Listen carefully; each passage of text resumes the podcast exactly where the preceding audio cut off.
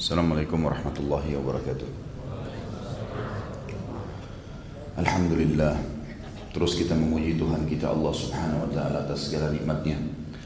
Dialah zat yang maha hidup Berdiri sendiri Zat yang maha adil, maha bijaksana. Tidak beranak dan tidak diperanakkan Tidak ada sekutu baginya dalam segala penciptaan Di langit, di bumi dan di kedalaman lautan Baik kelihatan atau tidak kelihatan oleh mata manusia. Dia zat yang maha perkasa maha kuat. Dan juga kalau ingin mengerjakan sesuatu dia hanya mengatakan jadi maka jadilah. Tidak ada yang berhak disembah kecuali dia. Semuanya tunduk padanya. Dia telah menggantungkan segala nikmat yang dia berikan kepada kita dengan kalimat Alhamdulillah. Maka wajar kalau kita sering mengucapkan dan mengulang-ulangi kalimat yang mulia ini Selanjutnya kita panjatkan salam hormat kita pada satu-satunya guru, kiai, suri tauladan, manusia terbaik, pemimpin anak Adam pada hari kiamat, penutup para rasul dan nabi, Nabi Muhammad sallallahu alaihi wasallam sebagaimana Allah dan malaikatnya telah memberikan salam kepada beliau. Teman-teman sekalian, seperti biasa kita akan lanjutkan tablik akbar kita yang kita lakukan setiap sebulan sekali. Semoga Allah memberkahi dan memudahkan. Serial kita pada pagi ini sahabat yang ke-10 Abu Ubaidah ibn Jarrah radhiyallahu anhu. Salah satu dari 10 orang yang dijamin masuk surga. Dan tentu dengan selesainya insya Allah kita membahas Abu Ubaidah ini berarti 10 sahabat yang jamin masuk surga sudah selesai.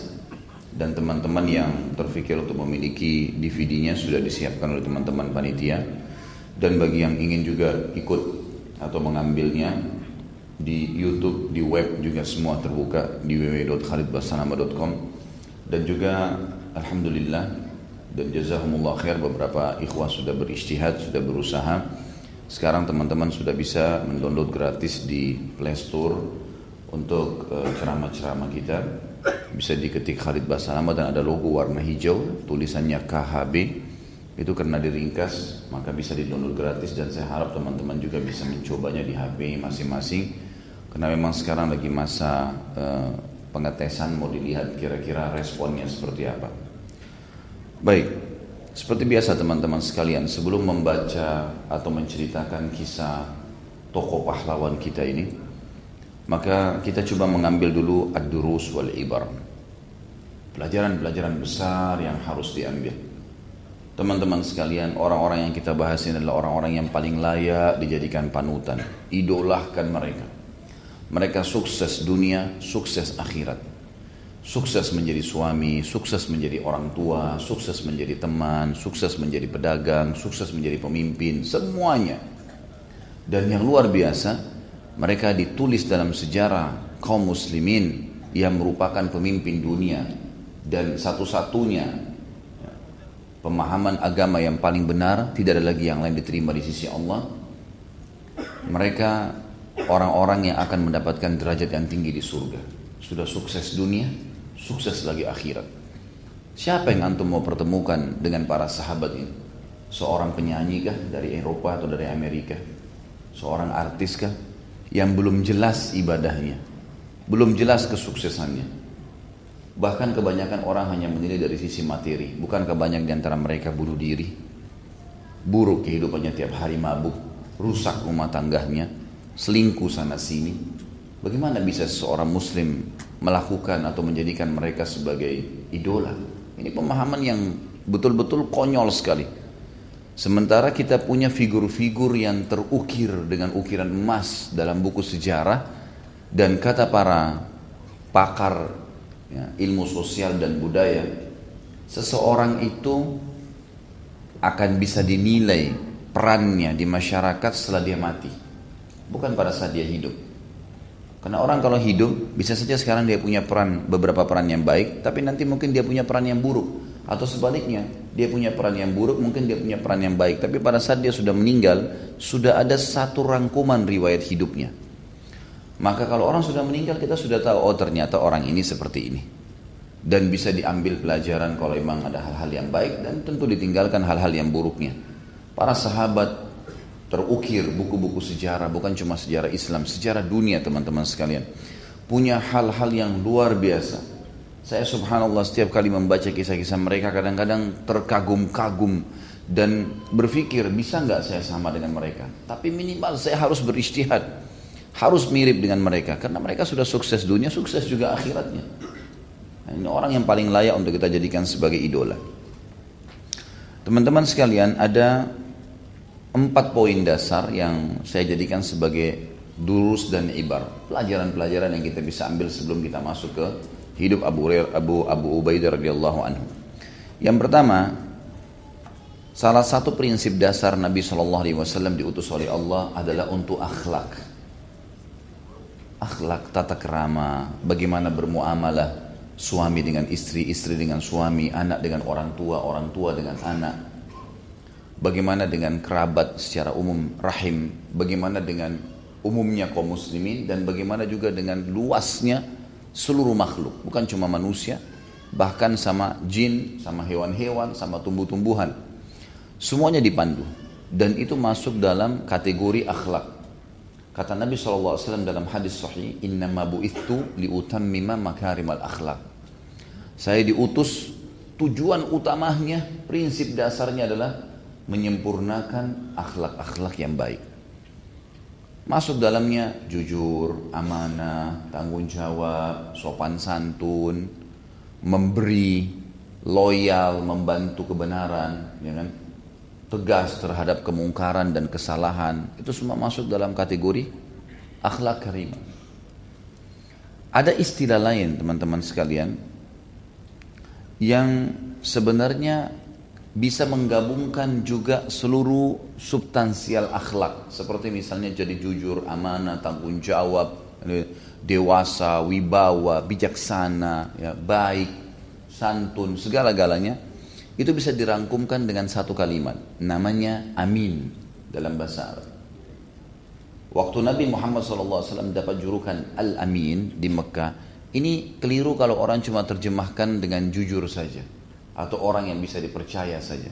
Ini masuk dalam segala lini kehidupan hampir setiap kali orang interaksi dengan Nabi Muhammad SAW gembira, senang. Pada saat melihat tatapan matanya sahdu, sayu, baik ucapan mulutnya, kata-katanya selalu baik.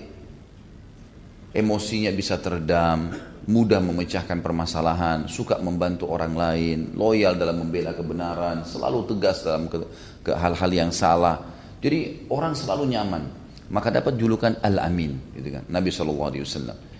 Sampai orang Mekah itu bukan hanya sekedar senang kalau menitipkan gembalaannya pada beliau SAW atau amanah barang dagangannya tapi senang kalau bertetangga, senang kalau bertemu, senang kalau ngobrol.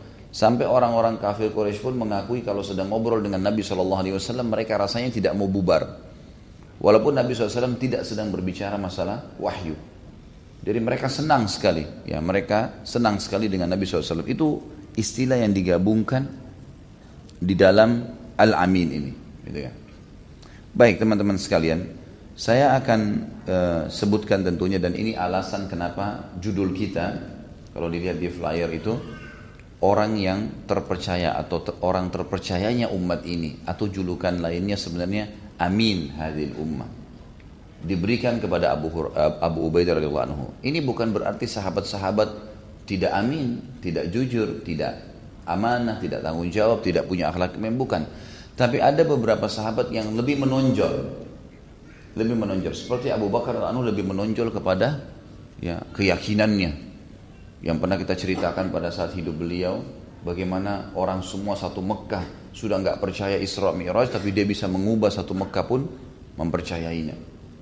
Umar dengan ketegasannya kemungkaran tidak bisa ada di depan Umar radhiyallahu anhu. Langsung diberantas sama dia. Semua sahabat sama tapi ada yang menonjol. Nah, yang menonjol inilah yang disebutkan oleh Nabi Shallallahu Alaihi Wasallam. Sama dengan Abu Ubaidah radhiyallahu anhu mendapatkan julukan Amin Hadil Ummah. Orang terpercayanya umat ini. Semua sahabat bisa dipercaya pada saat itu. Nabi SAW percaya, tapi Abu Abu Ubaidah berbeda. Ini punya nilai plus yang luar biasa. Ya. Ini nilai plus yang luar biasa. Tentu saja julukan ini teman-teman didapatkan nanti akan saya sebutkan ya pada Abu Ubaidah ini di manakibnya di kelebihan beliau ya apa yang kita bisa ambil dari kehidupannya Yang jelas teman-teman sekalian, seorang muslim punya akhlak yang baik.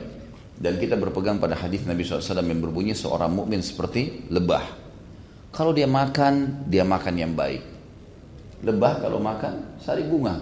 Dicari yang paling baik dari bunga itu. Walaupun tempatnya jauh. Kalau dia memberi, dia memberi yang terbaik. Yang dikasih madu. Kalau seorang muslim, seorang mukmin tinggal di mana pun teman-teman sekalian, maka target utama mana nih pekerjaan yang halal. Kalau dia muslim yang benar, dia akan cari sumber pendapatan yang akan saya masukkan ke dalam mulut saya, yang akan saya minum dalam bentuk cairan, ini halal atau enggak pakaian yang saya pakai. Karena dia tahu ada hadis Nabi SAW, ada orang berantakan bajunya, tidak pakai sendal, rambutnya berantakan, susah mengangkat tangan ke langit mengatakan ya Allah berikan ya Allah berikan bagaimana Allah berikan kata Nabi SAW sementara makanannya minumannya pakaiannya haram. Dasar sekali. Kalau dia pun susah lalu ada orang minta dia tahu memberikan yang terbaik akan diberikan atau diberikan balasan juga yang baik oleh Allah. Kata Nabi SAW inna Allah tayyibun la yakbalu illa tayyiba. Allah itu bersih, suci, sempurna tidak terima juga kecuali begitu. Jangan pas-pasan. Berikan yang terbaik. Dan kalau dia ya, hinggap di sebuah tempat, dia tidak merusaknya si lebah nih. Walaupun ranting yang akan patah, kalau kita lihat ada sarang lebah, tidak patah ranting itu. Kalau mereka taruh sarang mereka di ranting yang tipis, maka mereka hanya datang, masuk, sambil terus mengepakin sayapnya, lalu kemudian mereka keluar dari situ, ya, kemudian mereka ya, tinggal atau untuk untuk beristirahat itu di tebing-tebing ya, gunung di dekat-dekat pohon yang yang batangnya kuat. Jadi rantingnya nggak rusak. Maka kata Nabi SAW orang mukmin seperti lebah. Kalau dia mengambil ya, dia cuma mengambil yang terbaik. Yang boleh saja yang halal. Kalau dia memberi dia memberi yang terbaik. Kalau dia hinggap di sebuah tempat dia tidak merusaknya. Tapi kalau ya diganggu sengatannya mematikan. Kapan sudah agama yang diganggu? Quran dirusak, ya. masjid dihina, Allah Azza wa Jal dihina. Ini sudah lain ceritanya. Maka luar biasa. Ya. Maka dia pasti akan mempertahankan sampai mati. Ini memang tradisi kita teman-teman sekalian. Dan ini jelas. Nggak dilihat ini apakah dia orang Arab, apakah dia orang Melayu, apakah dia orang bule, apakah dia orang hitam dari Afrika. Nggak ada lagi urusannya. Semua muslim sama. Walaupun beda paras wajahnya, beda poster tubuhnya, beda warna kulitnya, sama semuanya. Jujurnya tetap ada di mana-mana. Kita di Amerika tetap jujur, kita di Saudi tetap jujur, kita di Indonesia tetap jujur, di mana-mana jujur. Haramnya babi di Indonesia haram di seluruh dunia. Seorang mukmin tahu masalah itu.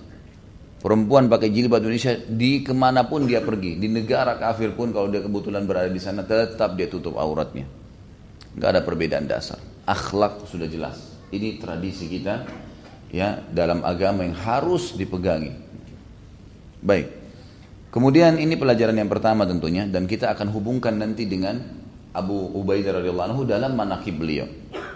Yang kedua teman-teman sekalian, yang kental sekali dari para sahabat dan ini sudah pernah saya sebutkan juga.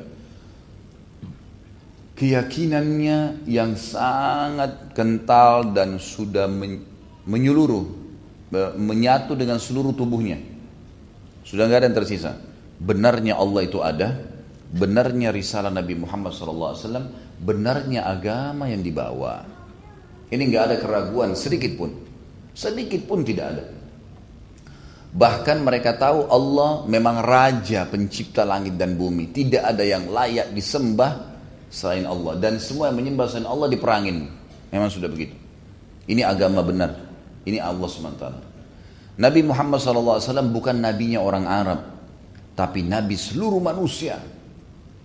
Anda sebagai seorang muslim harus bangga mengikrarkan, mendakwahkan, menyampaikan bahwasanya Allah itu memang ada, la ilaha illallah, Muhammad itu sallallahu alaihi wasallam adalah utusan Allah untuk seluruh alam semesta. Wa ma arsalnaka illa rahmatan lil alamin. Kami enggak utus kaum Muhammad kecuali untuk seluruh alam semesta. Jadi para sahabat sangat memahami masalah ini sehingga mereka tidak menemui siapa pun non muslim kecuali didakwahi. Tidak ada istilah malu dalam menyampaikan karena ini kebenaran. Kalau kita memang sayang sama manusia, mestinya kita sampaikan Islam pada dia. Karena kita tahu ini yang benar. Selain ini tidak diterima di sisi Allah Subhanahu wa taala. Sebagaimana juga agama yang dibawa panduan hidup ini adalah ini yang diterima di sisi Allah. Ayat Al-Quran Al-Imran ayat 19 misalnya jelas menekankan masalah itu. A'udzubillahi minasyaitonirrajim. Inna dina indallahin Islam. Agama diterima di sisi Allah hanya al-Islam, nggak ada yang lain. Nggak ada yang lain. Sudah. Berarti kita ini tidak boleh tinggal diam. Harus pemahaman kita yang tertanam dalam hati seperti para sahabat. Nanti kita lihat bagaimana perannya sahabat di kancah-kancah jihad berperang. Mereka keluar dengan keledainya, dengan kudahnya. Kadang-kadang ada yang jalan kaki hanya dengan bawa pedang yang sudah lama dengan dia dari dia masih bujang, masih muda, tidak ada pedang yang lain, tetap dipakai untuk berjihad di Allah Subhanahu wa taala. Karena mereka tahu ini kebenaran.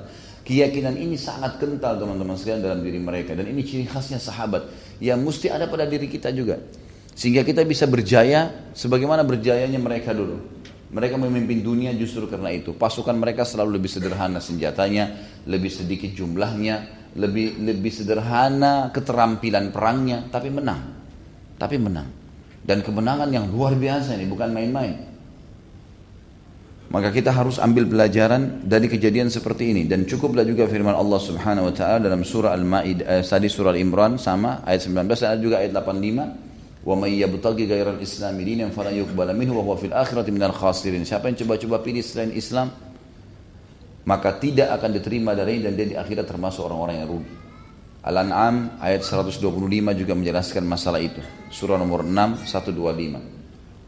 Kata Allah Subhanahu wa taala, "Man yuridillahu an yahdiyahu yashrah sadrahu lil Islam."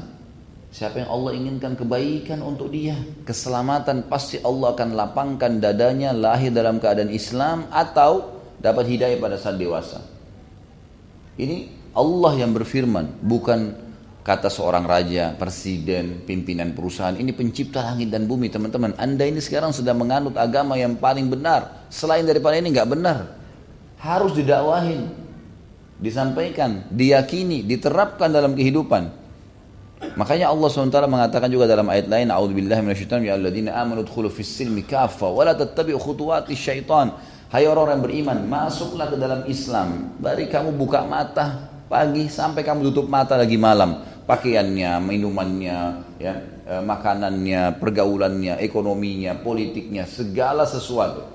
Tatapan matanya mengikuti syariat, hidungnya juga menghirup itu syariat, lisannya mengucapkan itu syariat, kupingnya mendengar ikuti syariat, tangannya menjamah ikuti syariat, kemaluannya ikuti syariat, kakinya ngikut syariat. Semuanya ikuti syariat Allah Subhanahu wa taala. Memang secara kafah. Dan Allah Subhanahu wa taala mengatakan dalam surah Az-Zumar surah nomor 39 ayat 22 lebih jelas lagi daripada itu. Kata Allah Subhanahu wa taala, "Afaman syaraha sadrahu lil Islami fahuwa ala nurim min rabbih." Siapa yang Allah lapangkan dadanya menganut Islam dari dia masih bayi, lahir atau dia mendapatkan hidayah petunjuk setelah dewasa, dia berada di atas cahaya Tuhannya. Cahaya Tuhan. Ini bukan main-main.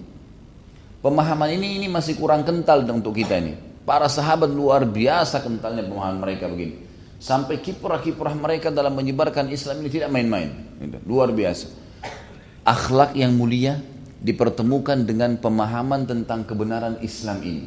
Mereka tahu kapan mereka harus tegas, kapan mereka harus berlemah lembut. Dan itu menjadi prinsip hidup di mana-mana sampai mereka meninggal dunia. Sehingga memang Islam jadi menyebar. Ini yang terjadi kenapa kita di Indonesia pun sampai Islam kepada kita. Seluruh dunia tersebar Islam justru karena pemahaman seperti ini. Dan ada beberapa wilayah yang Islam tidak menyebar sebagaimana menyebarnya dulu. Justru karena umat Islamnya masih belum yakin benar nggak sih agama ini. Buktinya mereka tidak terapin tuh. Buktinya masih banyak pelanggaran-pelanggaran agama yang mereka lakukan. Berarti mereka tidak yakin. Kalau mereka yakin tidak mungkin mereka mau melakukan pelanggaran. Tidak mungkin mereka mau kehilangan peluang-peluang emas pahala mereka tahu sangat yakin kalau mati akan datang, gimana? Otomatis seperti itu. Nah ini pemahaman kental sahabat, ini pelajaran teman-teman sekalian. Makanya saya bilang durus wal ibar. Durus itu jamak daripada dars yang artinya pelajaran. Ibar ini jamak daripada ibro yang artinya juga pelajaran. Gitu kan? Pengalaman yang harus jadikan pegangan hidup. Teman-teman majelis ilmu seperti ini Anda duduk 2 jam, 3 jam, 5 jam seperti bisa kita bil akbar. Ini bukan untuk meramaikan situasi hadir di sini. Saya juga datang sini bukan untuk berdongeng-dongeng. Ini kita datang untuk belajar, mengambil ilmu. Pulang dari sini terapin. Gak ada gunanya majlis ilmu kalau tidak dihadirin, kalau tidak diambil pelajaran darinya. Gitu kan. Ini penting untuk bisa mengubah kita menjadi orang lebih baik. Karena waktu terbatas. Waktu terbatas. Nabi Muhammad SAW pernah naik di atas mimba, di atas gunung di Mekah, bukit. Ya. Kemudian beliau teriak dengan suara keras, Wahai Quraisy, Wahai Quraisy dengan suara keras. Orang-orang Quraisy semua balik lihat Nabi Muhammad SAW. Ini amin, orang yang paling bisa terpercaya, jujur, amanah, segala-galanya. Mereka pun berkumpul semua. Ada apa wahai Muhammad?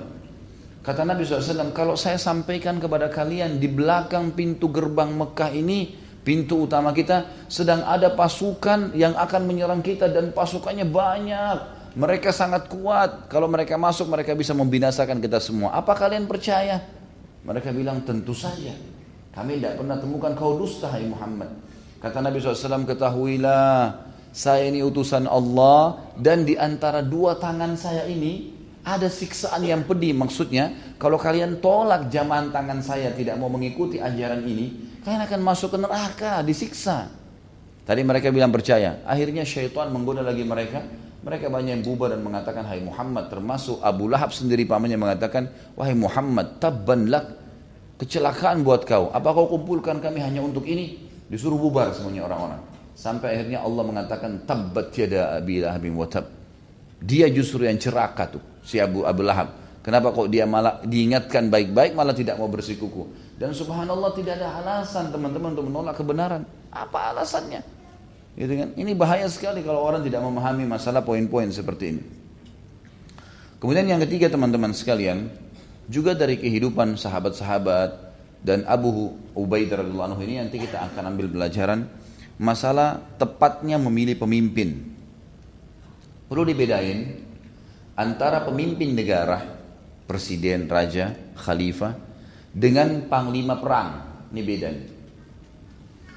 Kalau pemimpin negara tidak ada toleransi, harus seorang muslim, alim ulama dan yang ketiga ya, dia tidak mencalonkan, dia tidak men, men, me, antusias dalam mengambil jabatan tersebut. Ada alasan saya sebutkan ini. Kalau muslim, firman Allah Subhanahu wa taala yang berbunyi a'udzubillahi minasyaitonirrajim, ya ayyuhalladzina amanu la tattakhidu aduwi wa aduwakum awliya. Hai orang-orang yang beriman, jangan pernah sekali-kali menjadikan musuhku dan musuh kalian pemimpin-pemimpin. Ini sebabnya ya, yang, di, yang dimaksud dengan musuh kata para ulama tafsir adalah semua orang yang kufur kepada Allah. Mau Yahudi kah, mau Nasrani kah, mau agama apa pun selain Muslim, nggak bisa. Ada toleransi masalah ini. Nabi SAW waktu tiba di Madinah, ada orang-orang Yahudi, tiga suku Yahudi dan mereka punya raja-raja masing-masing. Tapi Nabi SAW tidak melanjutkan kerajaan mereka. Datang, beliau dinobatkan jadi raja, jadi nabi dan semua harus tunduk dengan hukum beliau. Ini bukan karena kasus individu ya, bukan karena Nabi SAW egois, bukan. Karena ini kebenaran.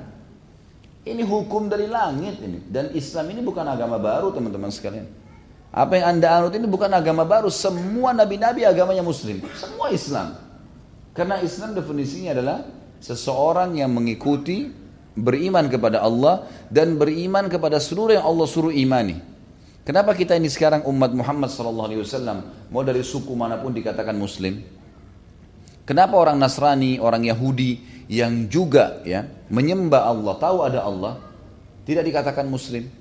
Karena mereka masih belum dikatakan beriman sama Allah, ya, menolak risalah Nabi Muhammad SAW. Masih ada nabi yang mereka tolak, nggak boleh. Kata Allah SWT bagi prinsip dasar orang muslim, la nufarriku baina ahadim rusuli. Kita tidak boleh membeda-bedakan antara nabi-nabi dan rasul. Ini hal mendasar yang harus difahamin.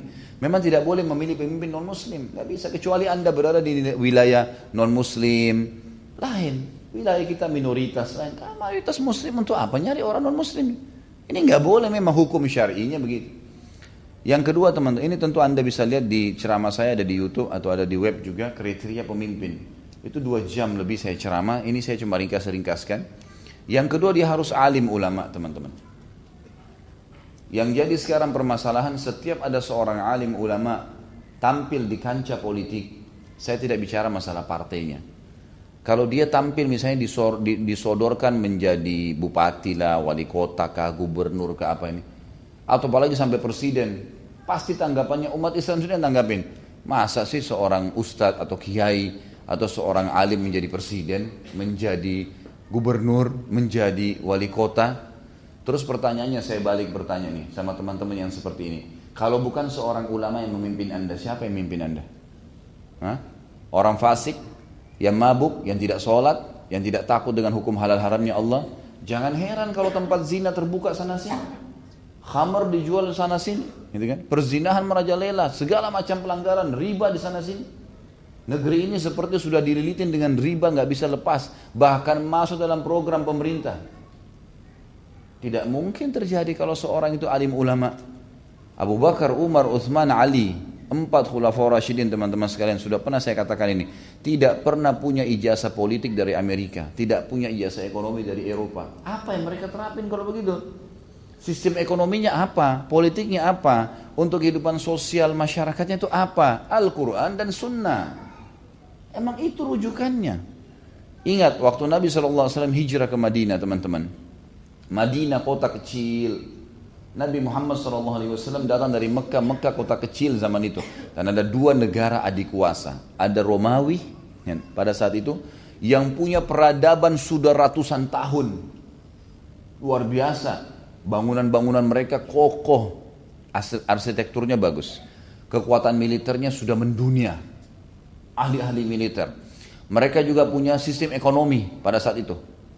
Lebih tepatnya sistem kapitalisme mereka kembangkan gitu kan ya ada pajak-pajak dari pemerintah untuk masyarakat lah penekanan-penekanan ada macam-macam gitu kan mereka punya nih dari satu sisi ini ahli kitab ahli kitab ini orang Nasrani gitu kan waktu Nabi SAW hijrah di Madinah mereka sudah ada mereka sudah berkembang pesat kayak kita sekarang Amerika misalnya berkembang pesat gitu kan luar biasa sisi yang lain ada Persia Persia juga sama, kerajaan adik kuasa yang luar biasa pada saat itu, menguasai setengah dunia.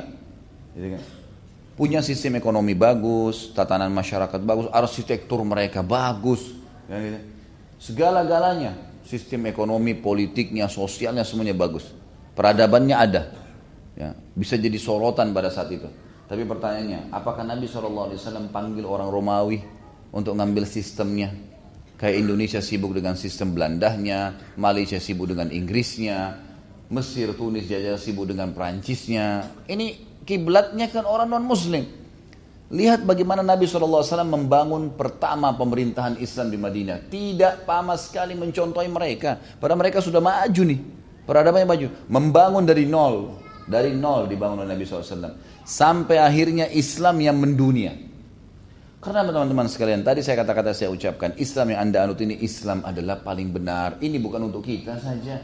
Untuk seluruh dunia, antum harus bisa memahami Al-Quran dan Sunnah dan terapkan dalam kehidupan serta sebarkan seluruh dunia. Selain daripada Al-Quran dan Sunnah tertolak, nggak bisa dibanggakan. Sistem manusia ini nggak bisa dibanggakan. Tidak masuk di akal teman-teman sekalian. Ribuan tahun kita memimpin dunia tidak ada sistem ekonomi, politik dan semuanya yang bagus itu nggak mungkin. Umar bin Khattab dipilih oleh Abu Bakar dengan perkataan apa apa sebabnya Nabi SAW pilih Abu Bakar? Karena Nabi SAW tahu Abu Bakar orang yang paling dekat dengan Allah Subhanahu Wa Taala, paling bertakwa kepada Allah. Sampai semua sahabat mengata, sepakat mengatakan orang yang paling alim di antara mereka adalah Abu Bakar. Nabi SAW tunjuk dia menjadi imam sholat. Tandanya pada saat itu pemimpin harus bisa memimpin sholat. Karena Nabi SAW selama hidup beliau jadi imam, kecuali beliau lagi keluar berperang. Abu Bakar juga waktu jadi khalifah jadi imam dua tahun di masjid. Kemudian Umar juga begitu, Utsman juga begitu, Ali juga begitu. Khulafaur Rasyidin semuanya menjadi imam dan ini menjadi tolak ukur kita. Alaikum bisunnati wa sunnatul khulafaur rasyidin mahdina min ba'di. Berpegang pada sunnahku dan sunnah khulafaur rasyidin setelahku. Bukan kerajaan-kerajaan Islam yang setelahnya saja jadi patokan tapi khulafaur rasyidin. Bagaimana mereka hidup itu kita jadikan patokan. Ini penting sekali untuk diketahui. Jadi Abu Bakar pun pada saat menunjuk Umar apa yang dia bilang? Wasiatnya, saya meninggalkan kepada kalian wahai muslimin wasiat agar memilih Umar bin Khattab sebagai khalifah karena dia orang yang paling faham hukum halal haramnya Allah. Umar bin Khattab ini bekas pemabuk dulu di Mekah. Sadar masuk Islam, sekarang dia yang pelajari Al-Quran, pelajari sunnah Nabi SAW, dan dia orang yang paling tegas dalam menerapkannya. Gara-gara itu dipimpin, dijadikan jadi khalifah. Nanti dibantu oleh orang-orang yang tahu administrasi. Iya dibantu. Tapi mereka pemimpinnya. Ini beda, pemimpin negara lain. Harus seorang alim. Waktu Umar bin Khattab naik, yang paling pertama Umar lakukan adalah seluruh wilayah yang dia kuasain. Seluruh dunia ini di Persia waktu runtuh tahun 15 Hijriah dan juga di negeri Syam yang runtuh tahun 14 Hijriah, wilayah Mesir yang terus juga yang masuk Islam juga tahun 14 Hijriah, semuanya yang paling pertama ditunjuk menjadi gubernur adalah orang yang paling saleh dari kalangan sahabat. Orang yang paling bertakwa sama Allah itu yang ditaruh. Selebihnya nanti dibantu oleh orang-orang sekitarnya kalau ada yang diperlukan urusan dunia ini masalah pekerjaan, angkat barang, hitung-hitungan itu diperintah dibantu oleh orang-orang yang bisa dijadikan sebagai ya eh, ahlinya di bidang itu. Tapi pemimpinnya memang keputusan dia karena hukum Allah yang harus diterapkan. Ini kental sekali yang hilang dari kita sekarang. Jadi kita sorotin betul pemimpin kalau bukan ya, atau seorang alim yang muncul. Kemudian teman-teman sekalian juga yang ketiga selain dia muslim, selain dia seorang alim ulama, yang ketiga syarat pemimpin tidak mengejarnya kalau kita sekarang malah mengorbit diri. Disebutkan di dalam sebuah hadis kata Nabi SAW, Inna wallahi la nuwalli ala hadal amr rajulun sa'alahu au harasa alaih. Kami demi Allah kaum muslimin tidak akan pernah memilih pemimpin yang sengaja mengejarnya ya, atau memintanya. Tidak pernah. Dan subhanallah hampir semua sahabat yang dinobatkan jadi pemimpin itu selalu nolak awalnya. Nolak. Kasus enam orang sahabat yang dikumpul oleh Umar bin Khattab di sebuah ruangan. Kata Umar, ini sisa enam orang yang jadi masuk surga. Ya. Lalu kata Umar bin Khattab, kalian harus menutuskan siapa di antara kalian yang akan jadi pemimpin setelah saya meninggal. Kalian orang terbaiknya umat ini yang paling ya yang telah mendapat jaminan surga. Artinya orang yang ulamanya para sahabat. Lalu akhirnya terpilihlah Utsman radhiyallahu anhu. Tapi di sini bagaimana perilaku Umar bin Khattab mendahulukan semua orang-orang yang pintar di sini. Dan pada saat mereka masuk enam orang itu, semuanya mengundurkan diri. Enam-enamnya. Abdurrahman bin Auf ditunjuk sebagai pemimpin. Saya sudah jelaskan di kisah Abdurrahman bin Auf radhiyallahu anhu. Dan beliau berkata, saya jadi pemimpin dalam majelis ini tapi saya sekarang saya bilang sama kalian saya mengundurkan diri. Kalian saja berlima silahkan. Yang lima orang ini saling memuji temannya. Setahu saya Rasulullah memuji si fulan, memuji si fulan, si puji, saling puji. Akhirnya karena itu itu menjadi pemicunya siapa yang lebih banyak hadis Nabi sebutkan tentang kelebihannya, maka mengkerucutlah akhirnya sisa dua orang Uthman dan Ali radhiyallahu anhum ajma'in sehingga Uthman unggul dengan hadis yang pernah saya jelaskan di zaman Uthman bin Affan tentang hadis Bi'ir Rumat sumur rumat yang dibeli oleh Uthman. Lebih unggul satu hadis ini daripada Ali radhiyallahu anhum ajma'in maka akhirnya dipilih oleh jadi khalifah kita bisa lihat bagaimana ya poin-poin seperti ini sangat penting teman-teman sekalian karena kita ini memang pemimpin dunia, agama yang kita anut benar dan juga kita pastinya ya kita pastinya akan menyebarkan di seluruh dunia, akan menyebarkan di seluruh dunia. Kemudian pemimpin perang, panglima perang boleh. Maaf, yang lagi telepon bisa di luar dulu. Ya. Pak, maaf yang lagi telepon. Kalau terima telepon bisa di luar supaya tidak mengganggu. Baik. Pemimpin negara beda dengan panglima perang ya. Kalau panglima perang, maka yang dilihat adalah keterampilan dia. Selain dia muslim, keterampilan dalam perang walaupun masih muda. Karena ini terjadi juga di zaman Nabi Shallallahu Alaihi Wasallam waktu itu, beliau pernah mengutus pasukan dipimpin oleh Usama bin Zaid radhiyallahu anhu. Siapa ini Usama bin Zaid? Seorang sahabat yang masih muda sekali Anaknya Zaid bin Haritha. Zaid bin Haritha anak angkat Nabi SAW. Umurnya 17 tahun waktu itu.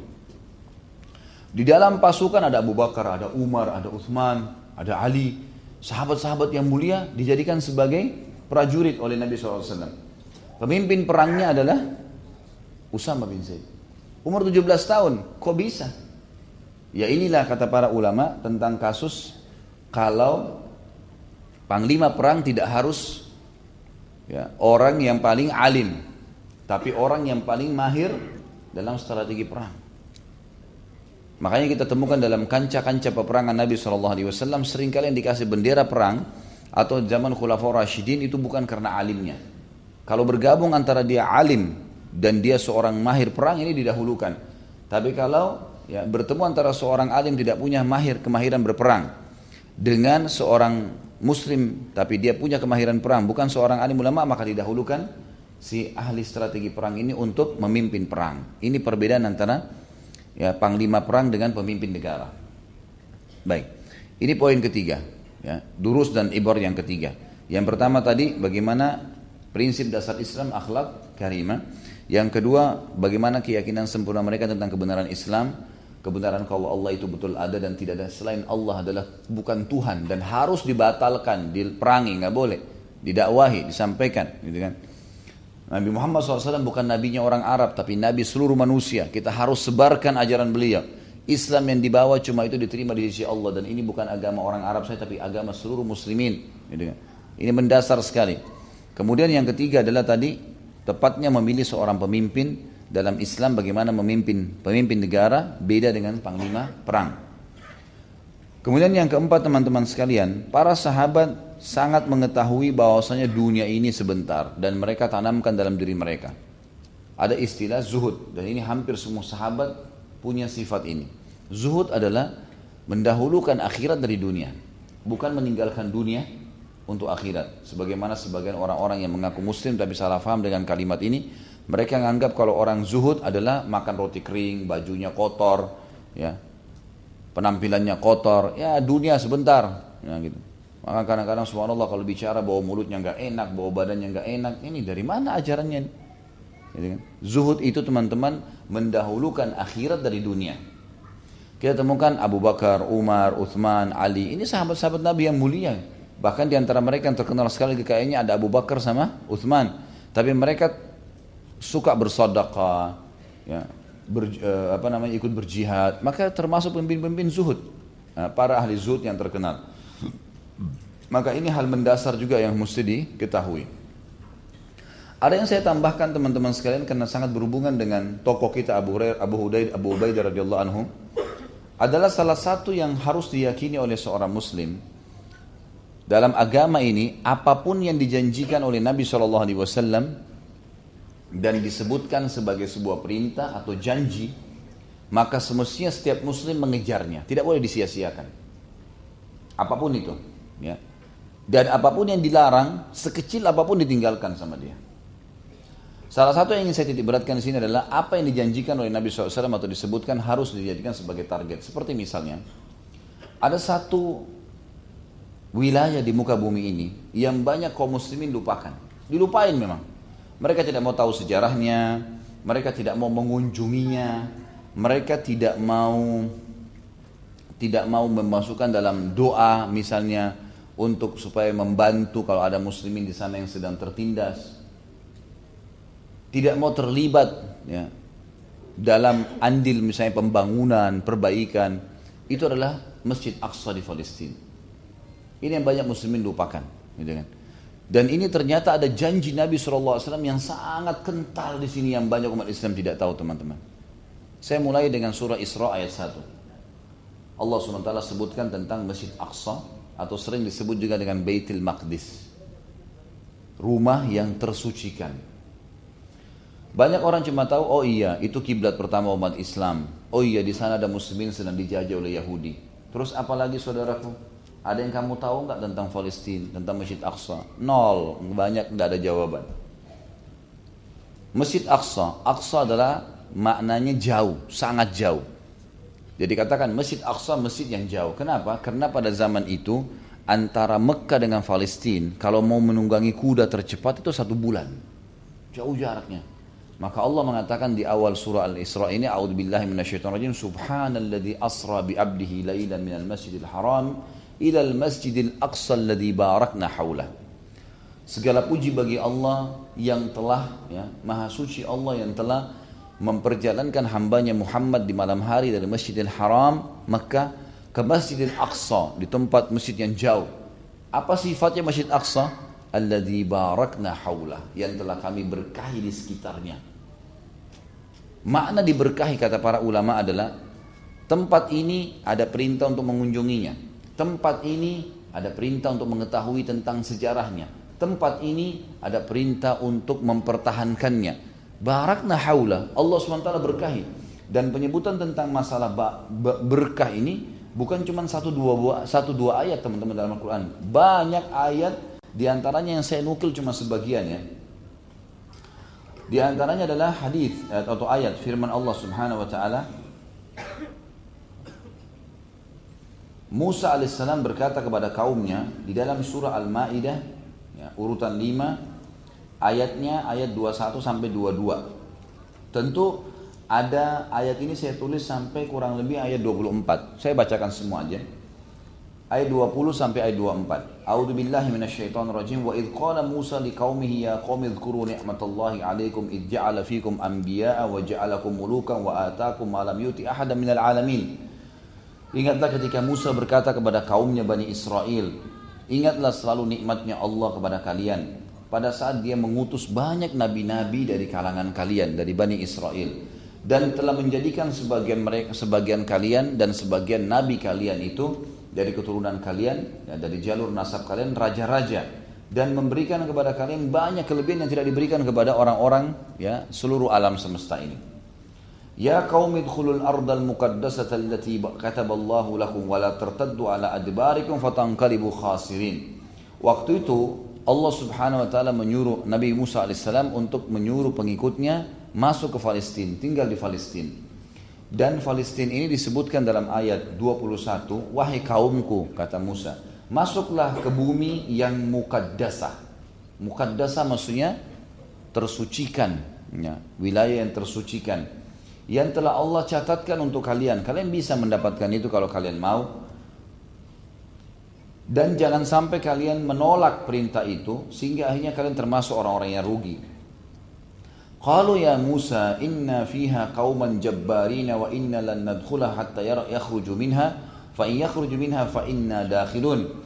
Mereka berkata, Bani Israel malas untuk berperang, mereka punya rasa takut, tidak mau. Sudah ketahuan memang sifat-sifat yang disebutkan dalam Al-Quran, Lalu mereka berkata, wahai Musa, di dalamnya ada kauman jabbarin, ada orang-orang yang kuat, kekar, perkasa. Waktu itu adalah orang-orang Adnaniyin namanya, gitu kan? Orang-orang suku asli Arab yang memang tinggal di Palestina dan sampai sekarang mereka yang penghuni penghuni asalnya itu. Sudah dulu mereka sudah tinggal penghuni asal. Orang-orang Bani Israel tidak berani. Mereka mengatakan di dalamnya ada orang-orang yang kuat perkasa dan kami tidak mau masuk ke sana sampai mereka keluar. Ya. Kalau mereka keluar, baru kami masuk. Tidak mau berperang. Carilah jalan hai Musa supaya mereka keluar dengan sendirinya. Qala rajulani minal ladzina yakhafuna an amallahu alaihim adkhulu alaihimul bab fa idza dakhaltum fa innakum ghalibun.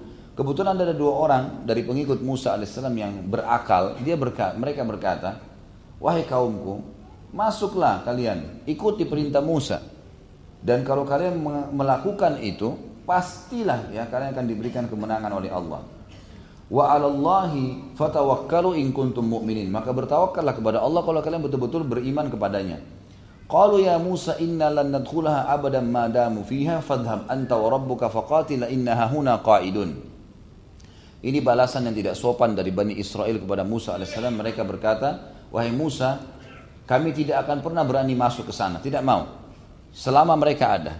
Maka pergilah kamu berdua dengan Tuhanmu saja. Perangi mereka dan kami tunggu di sini. Sampai kalian menang, baru panggil kami. Ini ketidaksantunan mereka. Tapi saksi bahasan kita adalah ayat 21-nya. Disebutkan ardal mukaddasa. Ya, bumi yang ya, termuliakan.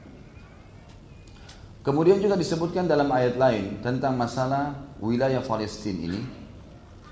Surah Al-Anbiya, surah nomor 21 ayat 71. 21, surah 21 ayat 71. A'udzu billahi minasyaitonir rajim wa najjaynahu wa lutan ilal ardi allati barakna fiha. Dan kami selamatkan Ibrahim, Ibrahim alaihissalam pada saat ya Namrud dibinasakan oleh Allah Subhanahu wa taala karena ingin membakarnya lalu tidak bisa. Dan pada saat itu yang beriman, salah satu yang beriman kepada Nabi Ibrahim AS adalah Nabi Lut, keponakannya sendiri. Maka kata Allah SWT, dan kami selamatkan Ibrahim dan keponakannya Lut. Ke bumi yang telah kami, atau ke, ke bumi ya, atau ke tanah ya, wilayah yang telah kami berkahi untuk seluruh alam semesta. Jadi malah Palestina bukan cuma sekedar berkah untuk orang yang ada di situ atau sekitarnya, tapi allati barakna fiha lil alamin. Kami berkahi wilayah Palestina itu untuk seluruh alam semesta ini. Ini satu hal yang luar biasa nih. Kemudian surah Al-Anbiya juga surah nomor 21 ayat 81 juga Allah Subhanahu wa taala mengatakan A'udzu billahi minasyaitonir rajim wa li Sulaimana wa li Sulaiman ar-riha 'asifatan tajri bi amrihi ila al-ardi allati barakna fiha wa kunna bi kulli syai'in 'alimin. Dan Sulaiman telah kami berikan kata Allah Subhanahu wa taala angin yang bisa ya, jalan sesuai dengan perintahnya. Sulaiman alaihissalam tidak tidak pakai apa namanya tidak pakai jalan kaki tidak pakai lagi, kuda lagi tapi beliau sudah tinggal angin ya, bahkan dari singgasananya ke kamar tidurnya itu pakai angin sudah tidak jalan lagi. Ini satu mukjizat yang diberikan oleh Allah SWT satu mukjizat yang diberikan oleh Allah. Maka kata Allah SWT dan Sulaiman kami berikan angin yang bisa jalan sesuai dengan perintahnya kepada bumi yang kami telah berkahi dan kami sangat mengetahui segala sesuatunya kata Allah ada saksi bahasan allati ilal ardi lati barakna fiha. Jadi Allah terus ulang-ulangin dalam banyak ayat Al-Qur'an bahwasanya bumi Palestina itu diberkahi. Gitu. Kemudian juga disebutkan surah Saba surah nomor 34 ayat 18 A'udzu billahi minasyaitonir rajim wa ja'alna bainahum wa bainal qura allati barakna fiha quran zahiratan wa qaddarna fiha sayr siru fiha layaliya wa ayyaman aminin. Jadi bagi penduduk Sabak tentu negeri Yaman ya. Dikatakan Allah SWT dan kami jadikan antara penduduk Yaman dan negeri yang kami berkahi.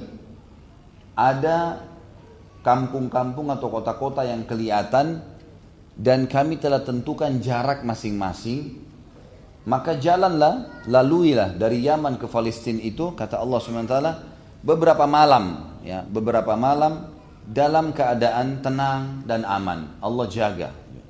Saksi bahasan di sini dikatakan wa bainal qura allati barakna fiha dan ada negeri dari Yaman ke negeri yang kami berkahi maksudnya Palestina.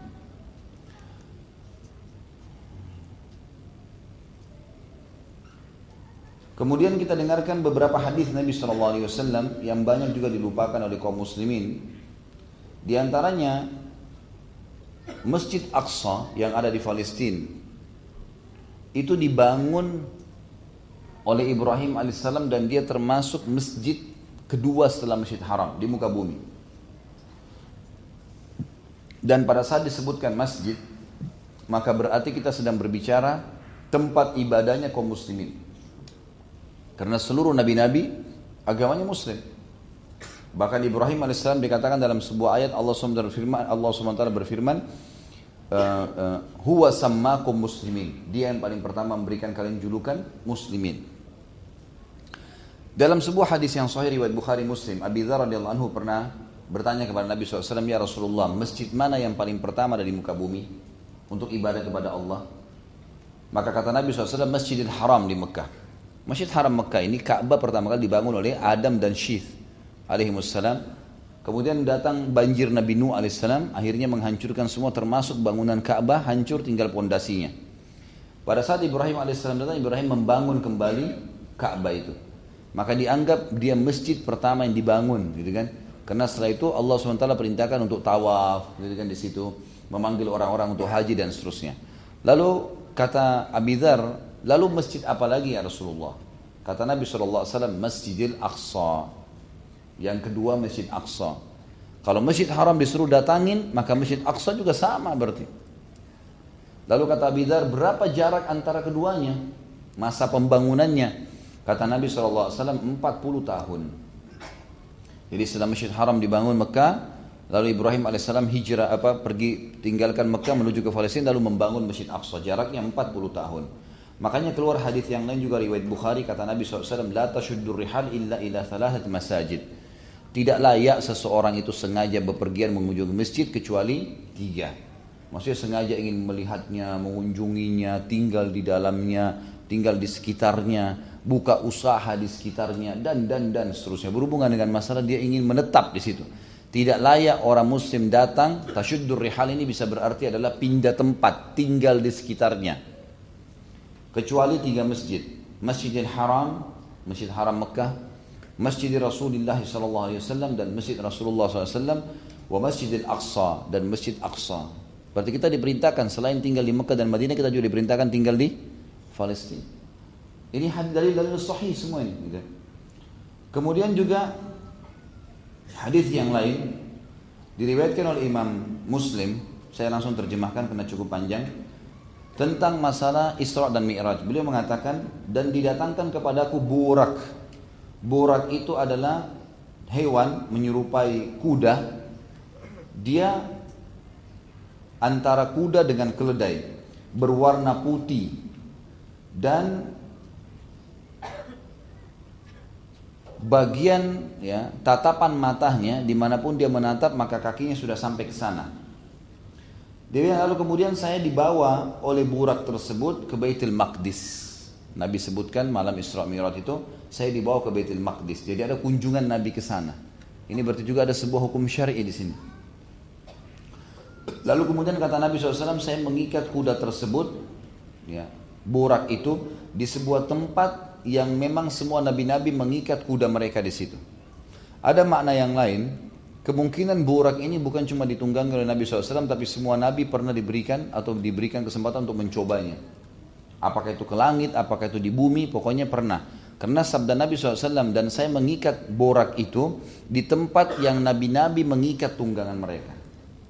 Dan sampai sekarang di tembok Masjid Aqsa, jadi kalau kita anggap misalnya meja ini wilayah Masjid Aqsa, dan Masjid Aqsa itu sangat besar, 1,4 hektar. Ada salah satu sisi temboknya, kalau saya tidak salah itu sisi sisi timurnya Masjid Aqsa kalau kita menghadap kiblat. Itu sisi temboknya orang-orang Yahudi jadikan sebagai tembok peratapan. Mereka nangis-nangis di situ, gitu kan. Mengaku dosa lah dan seterusnya mereka. Dan di situ tuh ada sekarang dipasang besi yang cukup besar dan itu menyerupai tempat ngikat untuk ngikat tali. Dan itu kalau saya kalau saya tidak salah terbuat dari emas. Dan itu diyakini oleh kaum muslimin adalah tempat Nabi SAW mengikat burak itu. Dan itu tempat diikatnya uh, tunggangan para nabi-nabi. Kemudian kata Nabi SAW, lalu saya mengikat tunggangan itu di tempat yang semua nabi-nabi mengikat tunggangannya Lalu saya masuk ke dalam Masjid Aqsa dan saya sholat dua rakaat di dalamnya. Kemudian saya bertemu dengan para nabi-nabi dan seterusnya cukup panjang hadisnya sampai akhirnya Nabi SAW mengatakan kemudian saya dimi'rajkan ke langit. Tapi saksi bahasan adalah Nabi SAW mendatangi Masjid Aqsa. Gitu kan. Kemudian juga kata Nabi SAW nanti dalam hadis riwayat Abu Daud dengan sanad sahih, nanti akan ada hijrah setelah hijrah pertama Mekah akan ada nanti hijrah setelah hijrah Mekah. Nanti ada muslimin hijrah tuh. Maka sebaik-baik tempat hijrah kalian adalah tempat hijrahnya Ibrahim alaihissalam. Ibrahim punya tempat hijrah dua ya, Mekah dan Palestina. Maka pada saat itu, ya, pada saat itu akan banyak orang-orang yang buruk di muka bumi. Dan bumi ini akhirnya menguasai mereka. Dan Allah subhanahu wa ta'ala akan membangkitkan orang-orang buruk itu nanti bersama kerah dan juga babi-babi. Maksudnya berbentuk seperti itu nanti pada hari kiamat. Tapi saksi bahasan adalah disebutkan tempat hijrah yang baik adalah Mekah dan juga Mekah Madinah. Karena dari Mekah hijrah ke Madinah dan juga Masjid Aqsa atau Palestina. Juga hadis Nabi SAW yang disebutkan di dalam hadis riwayat Imam Ahmad dengan sanad sahih juga akan ada dari umatku ini terus kelihatan berpegang pada kebenaran dan mereka selalu melawan musuh-musuh mereka. Mereka tidak peduli dengan siapa pun yang bertolak belakang dengan mereka. Ya. Dan mereka terus saja mempertahankan agama Allah Subhanahu Wa Taala sampai Allah mendatangkan ya hari kiamat. Lalu para sahabat berkata ya Rasulullah, di mana sih yang anda maksudkan tuh? pengikut anda ini, umat anda yang terus pertahankan kebenaran agama ini sampai datangnya hari kiamat. Kata Nabi SAW, kata para sahabat, di mana mereka? Kata Nabi SAW, di sekitar Baitul Maqdis dan uh, di sekitar di, di dalam Baitul Maqdis dan sekitar Baitul Maqdis. Berarti Palestina sekarang. Berarti di sini Nabi SAW menjelaskan kepada kita tentang akan umat Nabi SAW akan bertahan di situ dan akan ya menjadi atau Allah Subhanahu wa taala akan berikan kemenangan pada mereka dan berarti umat Islam disuruh mempertahankan wilayah itu. Ada fadilah yang lain yang mulia secara individual dan ini saya sekaligus menyampaikan teman-teman sekalian jangan pernah takut kalau ada kesempatan rezeki umroh plus aqsa ikut. Karena kita ini umat Islam di Indonesia banyak di terpengaruh dengan media. Saya bahkan waktu tiga minggu lalu sebelum memimpin umroh untuk plus aqsa itu sempat saya terima di WhatsApp foto jelas dari sebuah layar TV ternyata dibuat oleh orang-orang Yahudi ini. Itu kesannya Masjid Aqsa, ya wilayah Masjid Aqsa yang di dalamnya. Jadi kalau kayak meja ini wilayah Aqsa, Betel Maqdis ya. Ini 1,4 hektar. Di dalamnya ada banyak musola-musola, masjid-masjid dibuat karena jaraknya terlalu luas. Di depan sekali menghadap kiblat itu ada namanya, ada namanya Masjid Kibli, dibangun oleh Umar bin Khattab anhu. Di belakangnya sedikit mungkin jaraknya sekitar kalau saya tidak salah mungkin sekitar 100 meter ke belakang menuju ke pintu belakang masjid maka akan ada masjid Kubatus Sakhra yang kubahnya kuning. Ada orang yang mengatakan ini masjid Aqsa, yang mengatakan itu masjid Aqsa. Ini sebenarnya semua masjid Aqsa. Di sebelah sini juga ada cukup banyak yang lain. Karena ada di bawah lantai itu ada ada musola Marwani kan gitu, ada masjid uh, apa namanya Aqsa yang gadim, masjid Aqsa lama. Jadi ada empat tempat sholat di situ. Gitu. Nah ini nanti kita akan lihat Nabi SAW sendiri mengingatkan kepada kita kalau semua lokasi itu adalah wilayah masuknya ya Masjid Aqsa. Ternyata saya dapat foto, bukan foto ya, seperti foto dari layar TV, itu diberitakan kalau Masjid Aqsa sudah dihancurkan oleh orang-orang Yahudi. Diperlihatkan sampai ada masjid seperti Kubatu Sahara sudah hancur, masjid yang kibli itu sudah hancur. Saya konfirmasi sama teman-teman travel, lalu dihubungin teman-teman di Palestina, mereka langsung pegang kertas, taruh tanggal, diperlihatkan sambil difoto kalau Masjid Aqsa masih ada. Itu semua dusta. Gitu kan? Jadi tidak benar. Teman-teman sekalian, orang Yahudi nggak mau antum datang ke sana. Kenapa tidak mau kita datang ke sana? Karena kalau kita datang kita memberikan support kepada kaum muslimin. Dan akhirnya mereka jadi tambah kuat. Sampai waktu kami datang di sana itu dipeluk sama orang Palestina. Mereka berkata, anda ini datang ke sini sudah cukup. Sudah cukup membuat kami termotivasi lagi. Ternyata muslimin ada yang mau peduli dengan keadaan kita. Orang-orang dari Turki teman-teman faham tuh. Mereka sampai kalau saya tidak salah informasinya seminggu itu bisa tiga pesawat. Artinya bisa seribu orang Turki datang ke sana.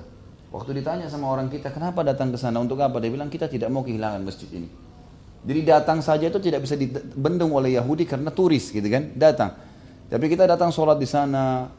Oh Yahudi makin banyak muslimin datang, mereka makin takut.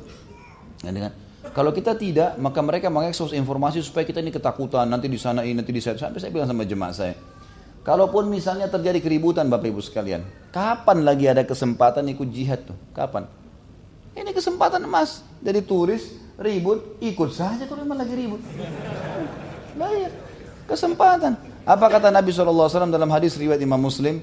Makbarrat kadama abdin fisabilillah fatamassuhun nar tidak akan disentuh oleh api neraka dua telapak kaki seorang hamba yang tersentuh debunya medan perang. Ini luar biasa. Tidak akan tersentuh api neraka dua telapak kaki seorang hamba yang tersentuh debunya medan perang. Itu datang ke sana, visa turis datang. Ada keributan, ini alhamdulillah tidak ada. Karena ada keributan cuma sebentar. Kalaupun ada keributan, ya itu kesempatan, gitu kan. Belum hadis yang lain. Kata Nabi SAW dalam hadis sahih, kalau saya, kalau saya tidak salah riwayat Imam Muslim. Siapa pun yang terbunuh di tangan ahli kitab, Yahudi dan Nasrani, maka dia mendapatkan double pahala syahadah. Double pahala syahidnya. Beda dengan kalau dibunuh sama orang lain. Karena Yahudi dan Nasrani tahu kalau kita benar. Kalau mereka bunuh berarti kita double dapat pahala syahadah. Ini sudah biangnya Yahudi yang sedang menjajah, gitu kan? Dan datang sana tidak ada masalah, masuk, ada pemeriksaannya, tapi kita masuk, sholat segala sisi yang lain. Bukankah kita bisa ribat? Ribat ini istilah kalau orang mengikat diri di perbatasan antara muslimin sama orang kafir. Apa kata Nabi SAW dalam hadis Bukhari Muslim? Ribatu yauman fi sabidillah khairu minad dunya wa ma fiha. Sehari saja ribat, mengikat diri di perbatasan antara muslimin dengan orang kafir. Sehari.